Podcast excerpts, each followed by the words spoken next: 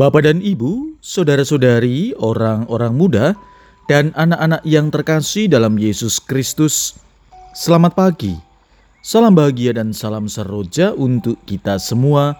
Berkah dalam. Bersama dengan saya, Romo Antonius Garbito Pambuaji menyampaikan salam dan berkat Allah yang Maha Kuasa. Dalam nama Bapa dan Putra dan Roh Kudus. Amin. Hari ini Sabtu 21 November dalam pekan biasa ke-33 bertepatan dengan peringatan wajib Santa Maria dipersembahkan kepada Allah.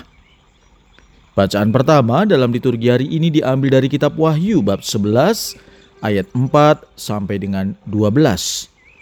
Bacaan Injil diambil dari Injil Lukas bab 20 ayat 27 sampai dengan 40. Pada suatu ketika, Datanglah kepada Yesus beberapa orang Saduki yang tidak mengakui adanya kebangkitan. Mereka bertanya kepada Yesus, "Guru, Musa menuliskan untuk kita perintah ini: jika seorang yang mempunyai saudara laki-laki mati meninggalkan istri tetapi tidak meninggalkan anak, maka saudaranya harus kawin dengan wanita itu dan membangkitkan keturunan bagi saudaranya." Ada tujuh orang bersaudara. Yang pertama kawin dengan yang seorang wanita, lalu mati tanpa meninggalkan anak. Lalu wanita itu dikawini oleh yang kedua dan oleh yang ketiga, dan demikianlah berturut-turut oleh ketujuh saudara itu. Mereka semuanya mati tanpa meninggalkan anak. Akhirnya perempuan itu pun mati. Bagaimana sekarang dengan wanita itu? Siapakah di antara orang-orang itu yang menjadi suaminya pada hari kebangkitan? Sebab ketujuhnya telah beristrikan dia. Berkatalah Yesus kepada mereka, Orang dunia ini kawin dan dikawinkan, tetapi orang yang dianggap layak untuk mendapat bagian dalam dunia yang lain itu dan dalam kebangkitan dari antara orang mati tidak kawin dan tidak dikawinkan, sebab mereka tidak dapat mati lagi. Mereka sama dengan malaikat-malaikat dan menjadi anak-anak Allah karena mereka telah dibangkitkan. Tentang bangkitnya orang-orang mati, Musa telah memberitahukannya dalam nas tentang semak duri, di mana Tuhan disebut Allah Abraham, Allah Ishak, dan Allah Yakub. Ia bukanlah Allah orang mati, melainkan Allah orang hidup, karena di hadapan Dia semua orang hidup. Mendengar itu, beberapa ahli Taurat berkata, "Guru, jawabmu itu tepat sekali." Maka mereka tidak berani lagi menanyakan apa-apa kepada Yesus. Demikianlah sabda Tuhan. Terpujilah Kristus.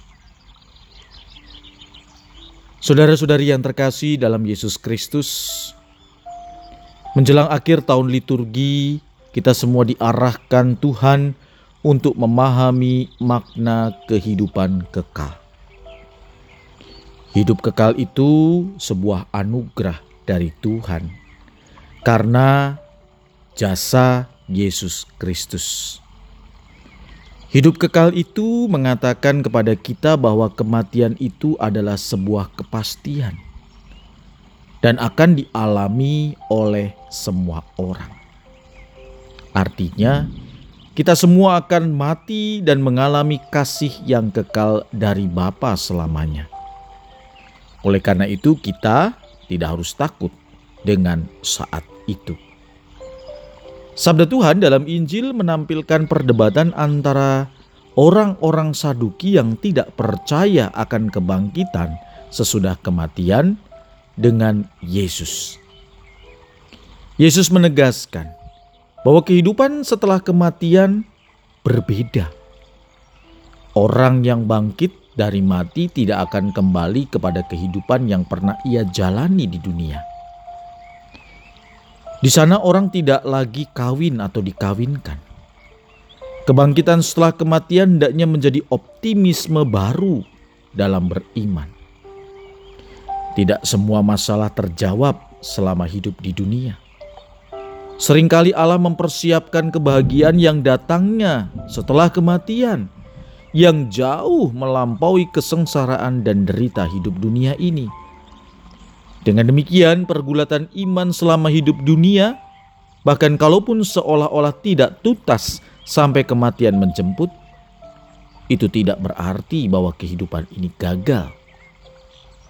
Saudara-saudari yang terkasih, mari kita meyakini bahwa kehidupan setelah kematian merupakan kebenaran yang memberikan kekuatan kepada kita untuk terus berjuang, sekalipun mengalami kesulitan dalam hidup. Kehidupan dunia ini hanya berlangsung sesaat, sedangkan kehidupan di dalam dunia yang akan datang itu itu yang akan berlangsung selamanya, kekal. Karena itu, sebagai orang Katolik, kita tidak perlu takut akan kematian, akan saatnya, tetapi kita diajak untuk menyiapkan diri, menyiapkan hati untuk kehidupan setelah itu. Salah satunya, kita diajak, dipanggil untuk senantiasa berbuat baik kepada sesama tanpa membuat perhitungan untung rugi. Hari ini kita merayakan Bunda Maria dipersembahkan kepada Allah. Kita yakin dan percaya bahwa hidupnya ia persembahkan kepada Allah. Oleh karena itu, ia pun mendapat anugerah istimewa. Maka mari kita meneladan apa yang dibuat oleh Bunda Maria. Hendaknya kita mempersembahkan hidup kita kepada Allah dan tentu kepada sesama. Marilah kita berdoa. Allah Bapa yang Maha Kuasa, melalui kebangkitannya putramu telah mengalahkan kuasa maut dan menganugerahkan hidup baru kepada kami. Kami mohon kuatkanlah kami untuk senantiasa melaksanakan pekerjaan dan perkataan yang baik dan semoga iman kami semakin kau teguhkan.